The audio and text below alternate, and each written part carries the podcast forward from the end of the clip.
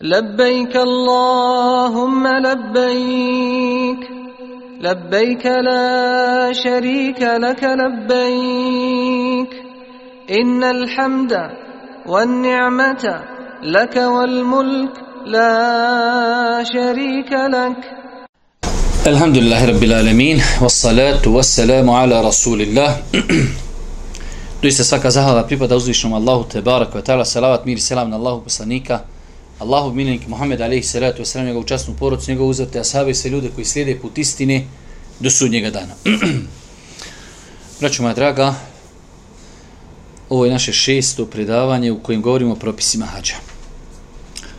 Nekim hronološkim redom, gledajući, mi smo govorili o boravku na mikatu, oblačenju ihrama, ihramskim zabranama, iskupljivanje za ihramske zabrane, vrijednosti Mekke, vrijednosti zemzema i tako dalje.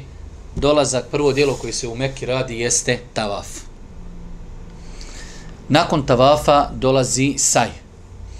Opet ćemo se vratiti onoj mašo, malo našoj komplikovanoj e, tematici, ali inšala nadam se da ćemo je već jednom razumijeti. Znači, kada dolazi čovjek u Meku, može biti jedan od trojici, ako ide na hađ. Može biti čovjek koji obavlja samo hađ. I taj čovjek treba glavno da mu da obavi hađijski tavaf i da, obas, da obavi saj i da obavi arefat. To su njemu najbitnije stvari. Imamo čovjeka koji obavlja zajedno umru i hađ karin i imamo čovjeka koji obavlja u prvom momentu samo umru. Svi oni dolaze u Meku i svako od njih obavlja tavaf. Onaj ko obavlja samo hađ, obavlja pozdravni tavaf. Onaj koji obavlja hađ i umru zajedno i on obavlja pozdravni tavaf. Onaj ko obavlja umru, on obavlja tavaf od umri. Nakon toga dolazi saj. Ovaj koji obavlja umru, on obavlja saj od umri. I nakon toga će šišati kosu, skratiti kosu šta hoće i završit će umru. A ovaj koji obavlja samo hađ ili obavlja hađ i umru zajedno, on može da zaustavi, da obavljuje tavaf i ode u hotel ali će prvi dan Bajrama, kada baci veliko džemre, kada skrati ili obrije kosu, kada dođe u harem, morati obaviti tavaf hađijski i saj hađijski.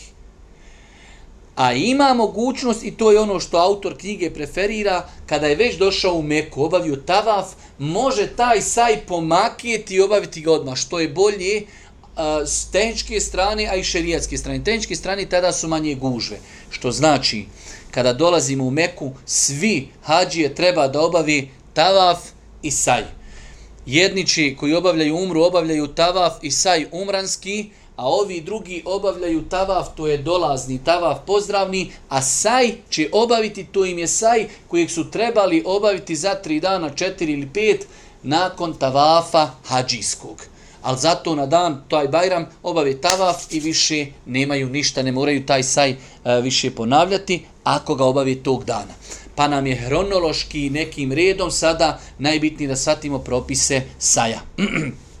Rekli smo da je saj ibadet hodanja između dva poznata brda u Mekki, Safa i Merva. I govorili smo kako je došlo historijski e, do tog momenta da je Hadžera E, bila u Mekki sa svojim sinom, pili su vodu, jeli hranu koju su imali i kada im je nestalo, onda je ona počela trči između Safe i Merve i Allah subhanahu wa ta'ala je poslao Džibrila pa je on prokopao e, izvor zemzem vodi.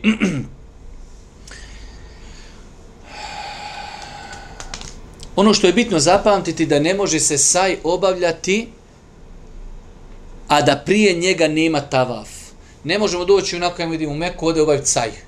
Saj takav ne postoji. Mora prije saja biti neki, neki tavaf. Ili je to hađijski tavaf, ili je to tavaf ovaj kudum dolazni, dolazni tavaf. Pa prvu stvar koju treba da znamo, saj nema na file. Saj se ne može obaviti sam. Saj uvijek dolazi u paketu sa tavafom. Ili je u paketu sa dolaznim tavafom. Došli smo u Meku, obavili smo tavaf, dolazni, pozdravni, sa njim obavljamo odmah saj i to nam je saj onaj hađijski. Ili došli smo u Meku, obavljamo umru, pa smo obavili tavaf hađijski, treba nam još saj, hađi, saj umran, e, tavaf umranski, pa nam treba saj umranski i e, znači nakon toga brijanje kosi. Tako da saj uvijek dolazi u paketu sa tavafom. Ne može se obaviti sam i nema na fili. E, malo se opet vraćamo u ovoj našoj tematici. Ako smo ovo shvatili i shvatili smo da imamo tri vrste hađa, onaj koji obavlja samo hađ i onaj koji obavlja hađ zajedno s umrom, oni imaju samo jedan saj. Ali imaju mogućnost da ga obavi kad su došli u Meku odma, obavili su tavav dolazni i nakon toga mogu obaviti saj. I na dan Arefata će obaviti hađijski tavaf i oni su završili hađ. Znači, čovjek koji obavlja samo hađ i čovjek koji obavlja hađ i umru zajedno, karin, oni imaju samo jedan saj. Rekli smo da imamo tri vrste tavafa. Imamo dolazni, hađijski i imamo pozdravni odlazak. Saj imamo za čovjeka koji obavlja samo hađ i za čovjeka koji obavlja hađ i umru zajedno. Neće nikako imati u Mekke onaj period kad nema na sebi hrama, on obavlja zajedno, on ima i samo jedan saj. Imaju verziju, i ta je bolja verzija, da obavi saj odmah dok su došli u Meku.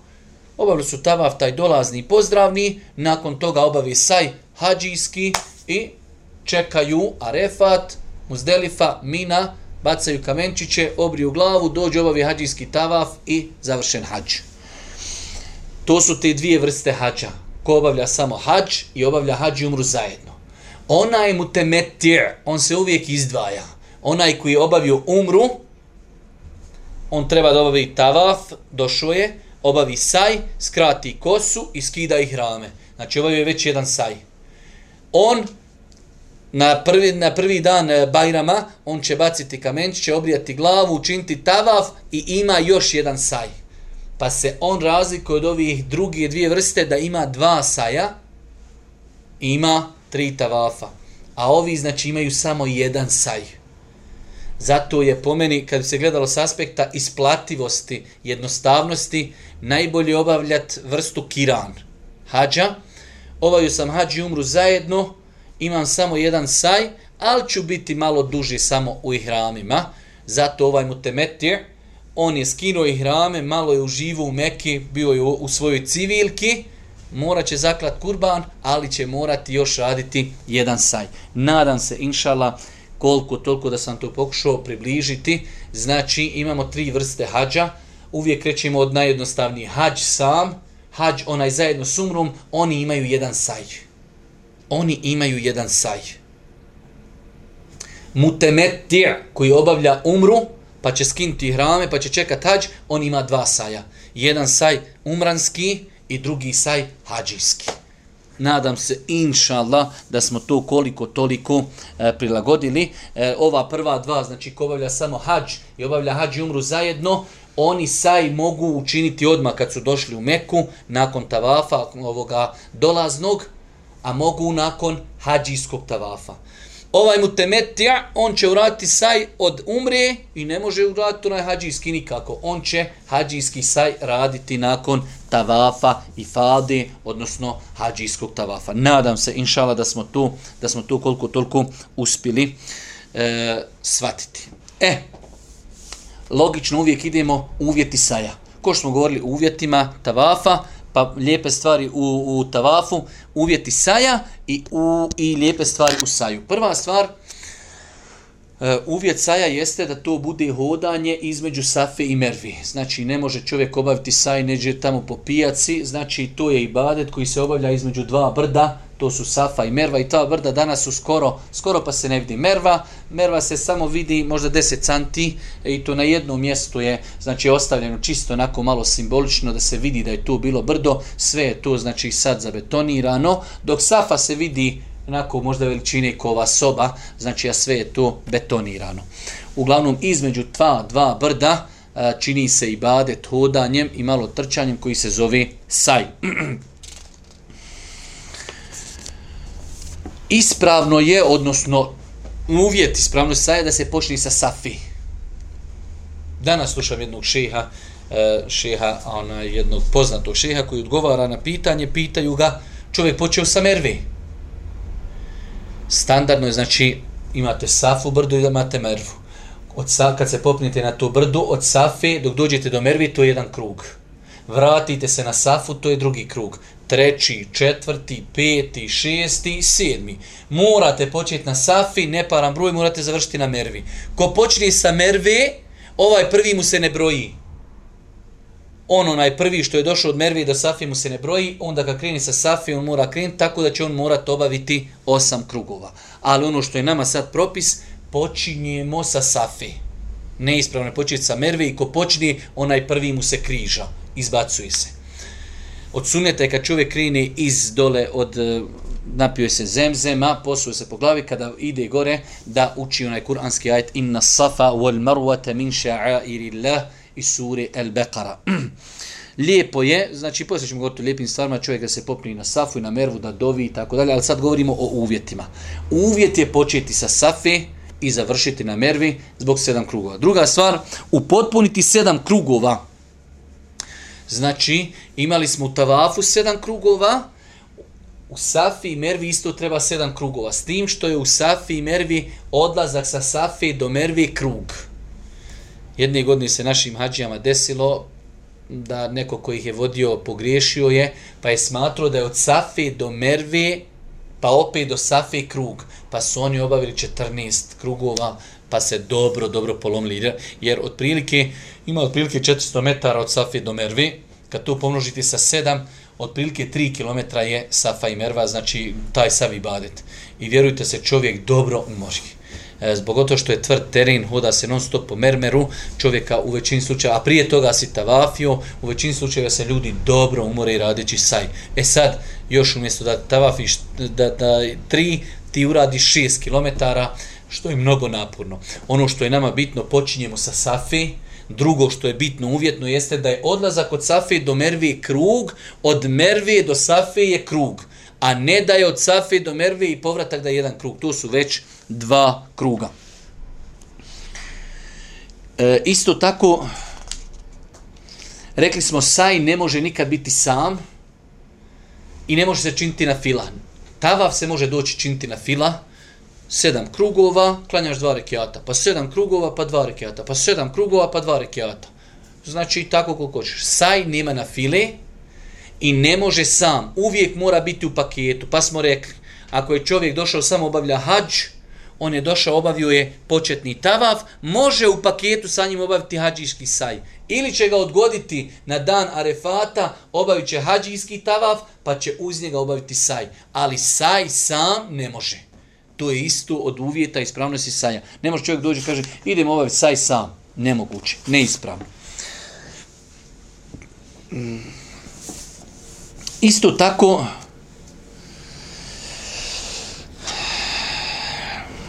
Nakon toga pohvalne radne u saju. Ovo su bile obavezne e, radnje vezane za saj. Ovo su sad pohvalne stvari. E, Popijeti se na safu i na mervu. Znači čovjek može doći samo proći između, znači imate ono brdešce safu, brdešce mervu, čovjek dođe, vraća se, jer pošto sad su to su kao jednosmjerno, imate odlazak od Safi do Merve jednosmjerno, povratak jednosmjerno. Čovjek samo dođe, zaokreni se, ide dalje, samo kruži. Od sunneta je pohvalno je, popeti se gore, imaju ravni površine i tu stati i doviti, ima više dova koji su zabilježeni od Božih poslanika, ali ih se letu selam. Ali je to sunnet. Tako da i to je dobro. Evo mi smo sad kad smo umransku, hađ, umransku ramazansku umru obavljali, znači to su tolike guže da ti nemaš prostora sa grupom od 70 ljudi gdje stat pa da dovite. Svi samo dolaze i prolaze. Ne, jednostavno nemoguće je u datom momentu stati i doviti. Kad ima vremena, ima prostora, zaustavimo se, dovimo po 5, 7, 10 minuta, nema vremena, popnimo se samo, nastavljamo dalje.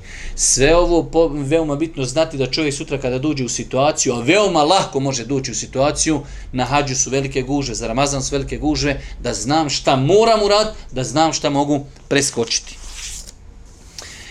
E, druga stvar pohvalna jeste za muškarce, e, taj dio je bliži Safi nego Mervi, možda znači na trećini puta između Safi i Mervi dolazi taj dio koji nekada bio, to je bila dolina, u kojoj je Hađer, Hađera trčala, a sam Boži poslanik Ali se radi sam posle obavljajući e, saj je jasnije praktično se u tom dijelu, kada se prvo spustio malo s brda, u tom dijelu kroz tu dolinu je trčao Boži poslanik, ali nakon toga je opet usporio hod da se popni na mervu i to je danas označeno na plafonima, gore imaju velike zelene onaj neonke i to je neki, ne znam, 70-80 metara prostor gdje se trči, ali samo za muškarce. Znači dva propisa. Trči se i samo za muškarce. Ali ako čovjek ne bi trčao, nije nikakav ukor napravio, e, znači pogotovo ako ima razlog nekada u vremenu hađa umre, ako u grupi ima e, 20 muškaraca, 30 žena, onda ako muškarci otrči, dosta puta problem je gdje su žene, izgubile se i tako dalje. Ali, e, znači, ako se može, pogotovo ako čovjek obavlja sam umru, onda znači da muškarci trči u tom, u tom predjelu je od sunneta i lijepo. trčanje je pohvalno u svih sedam krugova u tom dijelu. Znači, e, uzmite ovo je Safa, ovo je Merva. Pa krenimo sa Safe neki 100 metara, dođe period gdje trčimo i onda opet imamo period gdje, gdje hodamo. Popnemo se na Mervu, vraćamo se, opet taj dugi dio, opet dio gdje trčimo, opet dio gdje pješačimo, opet penjimo se na Safu. I znači u svih tih sedam kada dođemo na to mjesto se trči. Vidjeli se tamo smo u Tavafu imali u prva tri kruga se samo malo brže ide trči, dok kada je u pitanju saj, znači na svih sedam krugova, na toj zoni koja je obilježena, tu se samo trči. I neispravno je trčati, znači cijelu, cijelu mjesto od Safi do Mirvi non stop trčati. To je u suprotnosti sa sunnetom, a i to opet neki ljudi radi. Pa znači imamo brdo Safa, imamo Merva, imamo neki 70-80 metara gdje hodamo, onda imamo neki 70-80 metara gdje trčimo i onda neki 200 metara gdje pješačimo, penjimo se na mervu, zaustavljamo se, zikrimo, dovimo, pokušamo se okrenuti jer dole uvijek na zemlji imamo a, ove linije koje su po kojima se pravi safovi. Na osnovu tih linija se okrenimo prema Kjabi, a, zikrimo, veličamo Allah subhanahu i dovimo. Ali je znači ovo bitno da znamo da se na svih sedam krugova na tom dijelu koji je samo označen da se tu trči. e, nije od sunneta i nije pohvalno da se pravi pauze. Osim znači pauze koja je, zaista se može desiti da čovjek se umori pa da malo sjedne da popije vode, jer tu pored između Safa i Merva, znači imaju veliki oni velike česme gdje se može čovjek napiti vode, zaustaviti se napije vode, ako se neko mori u minut i po dva da, da se malo odmori ili eventualno da nekoga sačeka, ako je učio ezan i kame, da klanja i tako dalje. Ali generalno i, i tavaf treba da bude jedan ibadet i saj treba da bude jedan ibadet, ali ako se napravili neke pauze, kraći, inšala, ne smita.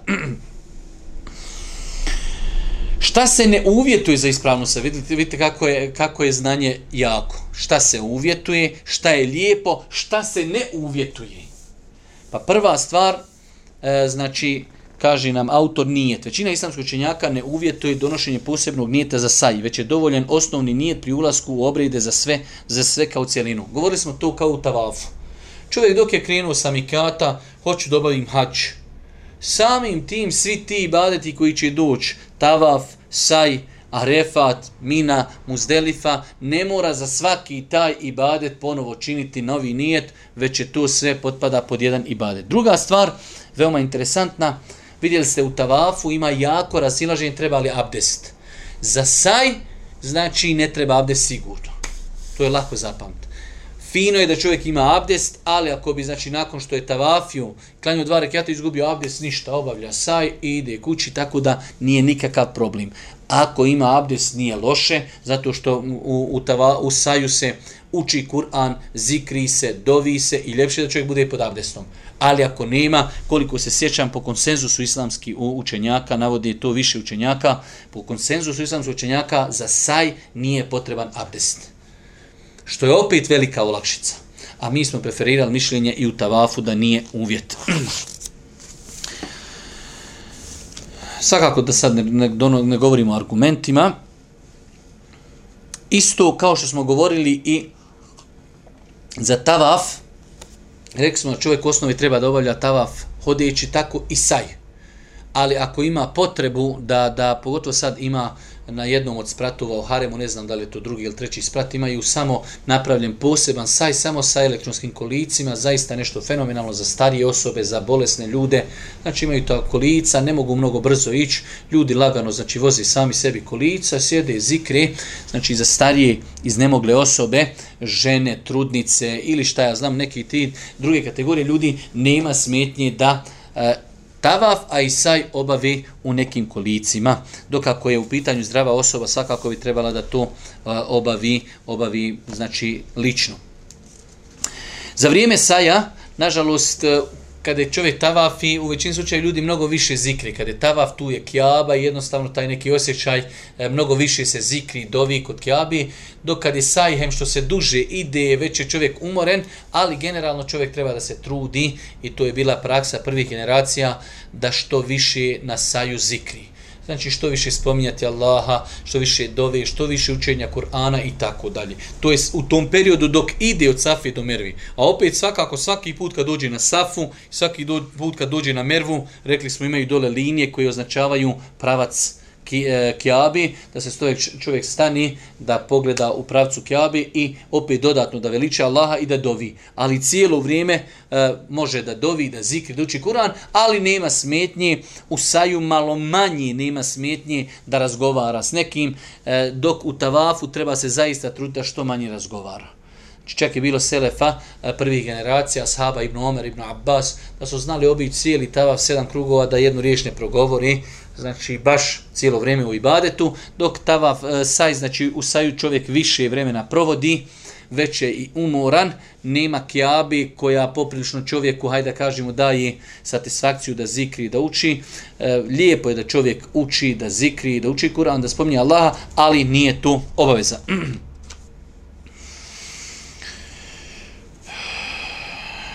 Dozvoljeno je obavljati saj na bilo kojim spratu, e, iznad prizemlja, znači isto i za tavaf.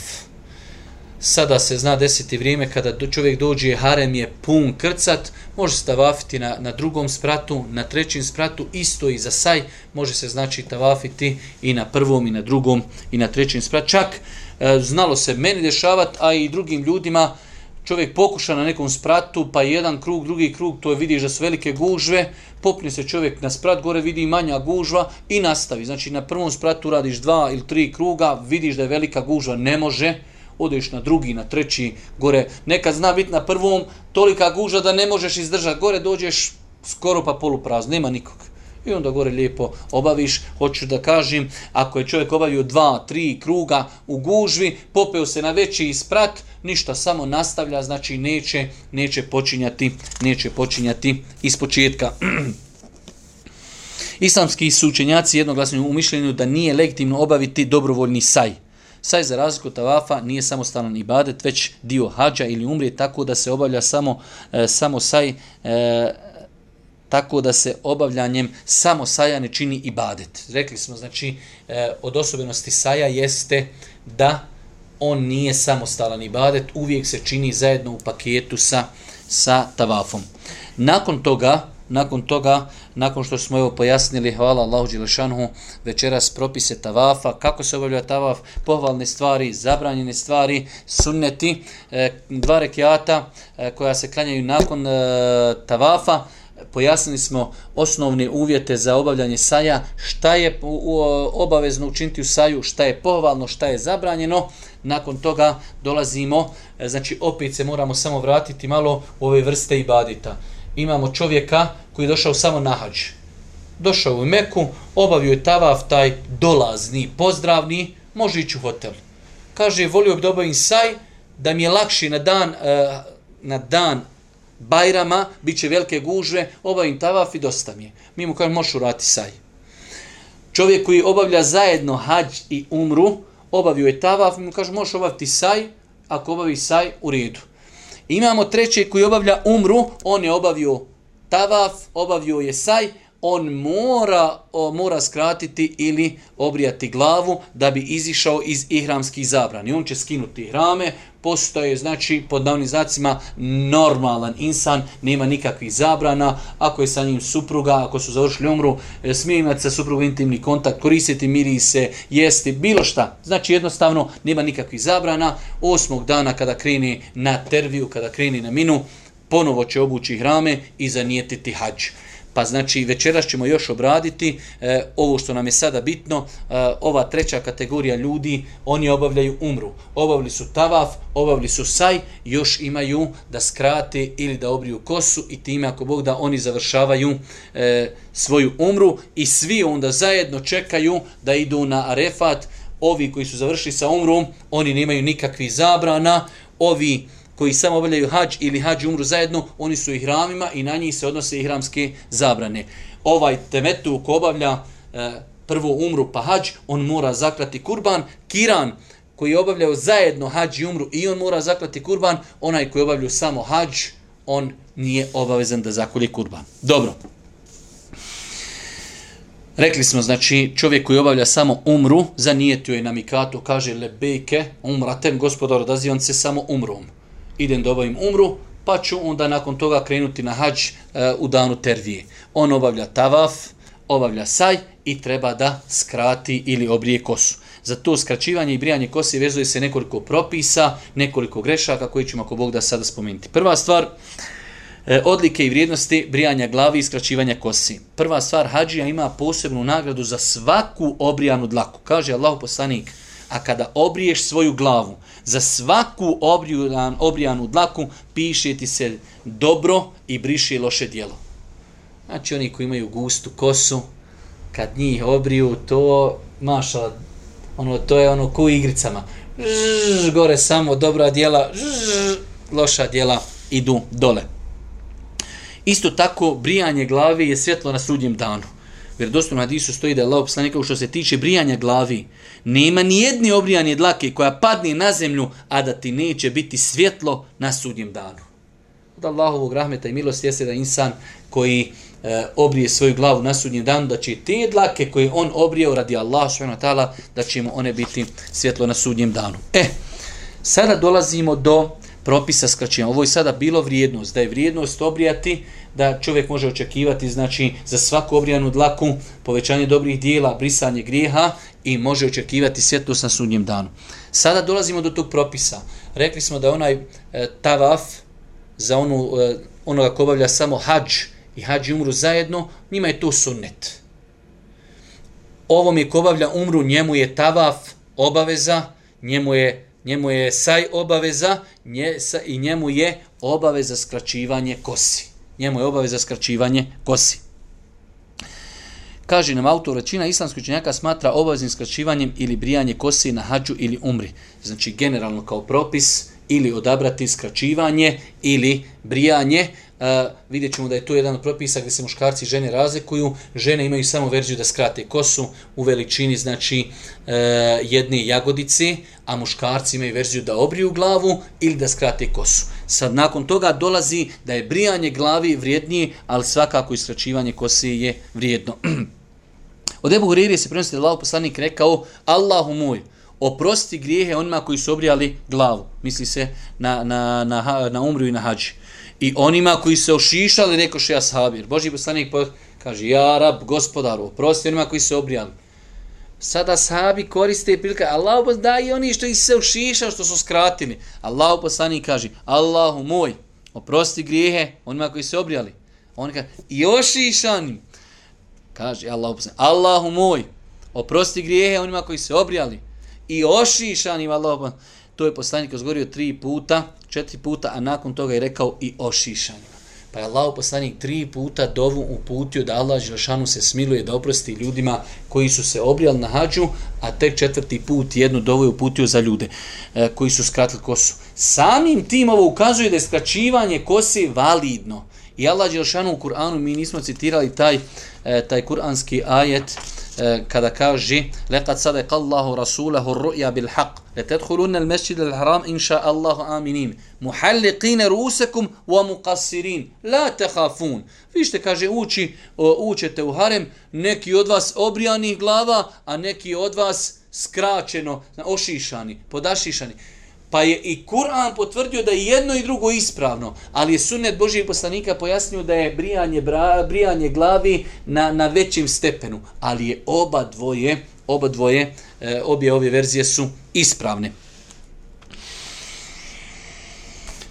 E, zato nam ovdje autor i kaže, pored toga, onome ko obavlja hađte metu, bolje je da skrati kosu nakon umri da bi imao šta obrijati na dan Bajrama. Znači on je došao, obavio je tavaf, obavio je e, saj. Sad on ako obrije kosu, on će za dva, tri dana ići na Arefat. Sa Arefata kad se sutra dan vrati Bajram, on ponovo mora brijati.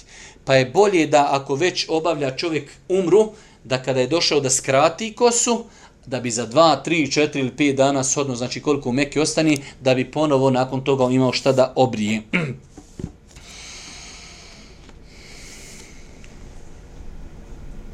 Što se tiče Mufrida i Karina, oni neće brijati ni skačivati kosu sve dok, dok ne, ne dođe Bajram. Znači, zato su malo prije pravili razliku. Čovjek koji obavlja samo hađ i obavlja hađ i umru zajedno, njemu smo rekli samo obavi tavaf. Idi u hotel, sjedi, čekaj arefat. Možeš ako hoćeš obavi i saj, ali to je saj hađijski. Nema više, nema brijanja glavi. On će samo jednom obrijati glavu kada bude na dan Bajrama. Pa znači čovjek koji obavlja samo hađ i obavlja hađ i umru zajedno, oni će obrijati glavu samo jednom, prvi dan znači Bajrama, bacit će kamenčiće, obrijat će glavu i doći u rate, uradit će hađijski tavaf i saj ako ga nisu uradili prije toga. Pa je u ovom momentu e, brijanje ili skraćivanje kosi specifično samo za onoga koji obavlja samo umru, takozvani mutemetja. Kad su u pitanju, uh, ima jedna greška i vidjet ćete je dole kogod odi od vas, imate ljudi, dođeš na, na, znači ovo je Safa, ovo je Merva. I na Mervi se tu svi završavaju. Tu imate ljudi i djece i čekaju sa makazama, mali makaz se i čovjeku na dva, tri mjesta ovako tup, tup, tup, tup, uzme 10 maraka, uzme u džep, na dva, tri mjesta šišne i ajmo dalje to je neispravno. Prvo, ne treba to tu raditi jer je to mjesto za ibadet. A druga stvar, skraćivanje kose, ako će se skraćivati, mora se skratiti na cijeloj glavi. Ako čovjek ima dugu kosu, znači da uzme svu kosu i da odreže, znači da li dužinu e, 2-3 canta, ali da se kosa sva skrati, ili ako je već kraća kosa, da onda da ošiša bricomu ili mašinom. Ali samo uzeti na 2-3 mjesta, to je neispravno i nažalost, nažalost i kako za eh, prisutna greška kod velikog broja ljudi. Znači dođete, vidite hađija, koliko hoćete, stoji pored neke kante za smeće, na vaku na dva, tri mjesta, tup, tup, tup, tup. Evo kaj gotova umra. Velika greška. Jer to je posljednja stvar koju čovjek čini da bi mogao skinuti hrame. Samim tim on je znači bukvalno to, to uradio, a nije uradio. I skida onda i hrame, a on u osnovi i dalje treba da je u hramima pa je to jedna opasna greška, čovjek treba da se pazi takve stvari. Rekli smo e, da ovaj propis brijanja glavi eksplicitno se vezuje za muškarce, žene ne smiju brijati glavu ni na hađu, ni inače kod kući, osim ne daje Bože da postoji zatim neka velika potreba, ali u normalnim uvjetima ženama je i mimo hađa i na hađu zabranjeno brijati glavu. Žene na hađu imaju verziju samo da skrate kosu, u znači otprilike e, u dužini jedne jedne jagodici. E, kada je u pitanju ovaj propis, postavljaju velik broj ljudi, postavlja e, pitanje u Lemi, danas imamo ne mašine, ono što kažu kako ono, na nulu ili ne znam nija kad briju, e, odnosno kaši, da li to potpada pod brijanje ili ne? Pa kažu učenjaci da je ispravnije mišljenje da je brijanje samo ono što se brije brijačem ili britvom. Dok mašinu, bez obzira na koliko nizak stepen je spustio, to ne potpada pod brijanje. Pa čovjek koji hoće baš nagradu brijanja, onda imaju tamo hiljade brijaški radnji ode i obriju ga znači ili britvom ili e, na neki drugi način, ali je poenta da ono što se mašinom radi, da po velikom broju učenjaka to ne potpada pod pojam brijanja i samim tim ne potpada pod onu nagradu. Dobro. Isto što je pitanje potrebno, evo šega ovdje e, spominje, ja sam dosta puta ako student imao priliku da slušam, ljudi kažu ne smiješ ti sam sebe obrijeti jer kao ti si još pod ihramima i ne smiješ ti nešto brijeti i ne smije tebe neko brijeti koji je u ihramima. Što nije tačno, čovjek može u ihramima obrijati drugog kolege, znači dvojica ljudi zajedno obavlju umru, hajde ja ću tebe, ti ćeš mene, a čak može čovjek i sam sebe, čak čovjek može da sam sebe obrije. Pitanje, ovo su sve neke kratka pitanja, time ćemo inšale uskoro i završiti. E, pitanje e, ljudi koji su čelavi uopšte, znači nemaju nikakve kose, da li oni imaju ikakav propis u pogledu ovoga, Allah najbolje zna, opet je bolje, bez obzira koliko čovjek bio čelav, uvijek ima negdje na nekom dijelu glavi kose ili imaju one tanke dlakice na glavi, bolje je da čovjek uzme britvu i da to, hajde da kažemo, obrije onoliko koliko je imao, iako ima jako mišljenje, ako je čovjek doista potpuno čelav, da nema šta kao kao čovjek abdesti i ruka mu da prostite odrezana, osjećena od mišića. Šta će on? Nema šta oprati. Isto čovjek koji, e, koji potpuno mu je glava čelava, nema on šta brijati, ali bez obzira opet u većini slučajeva ljudi imaju ili malo na potiljku kosi, a i možda po tjemenu ima oni sitni dlačica, može se, može se obrijati i bolje je da to čovjek uradi da bi ipak ispoštovo ono što se od njega traži. Čovjek koji, će, koji se počne brijati, e, lijepo je da počne brijanje glavi sa desne strane. Rekli smo, ovdje nam to tek sada ših navodi, da je ovaj propis eksplicitno vezan za žene. Nakon ovog propisa i mu'tem, e, čovjek koji je došao u, u Meku s ciljem dobavi umru, on završava svoj propis. Ovi koji su došli samo na hađ, ili hađ i umru zajedno, oni su obavili tavaf, ako hoće obavili su saj i mogu ići u hotele, klanjati namaze, čekati dan tervije, čekati odlazak na arefat, ali su u ihramskim zabranama. Dok ovaj koji je došao samo na umru, on je obavio umru, ošišao se, on od tog momenta postaje pod navodnim značima oslobođen svih zabrana, sve mu postaje dozvoljeno što mu je bilo zabranjeno u ihramskim zabranama, čeka dan tervije da bi ovukao ihrame i da bi ponovo zanijetio, da bi ponovo zanijetio hađ. E, zbog toga će on posle toga i klati kurban. Mi ćemo se ovdje hronološki otprilike zaustaviti.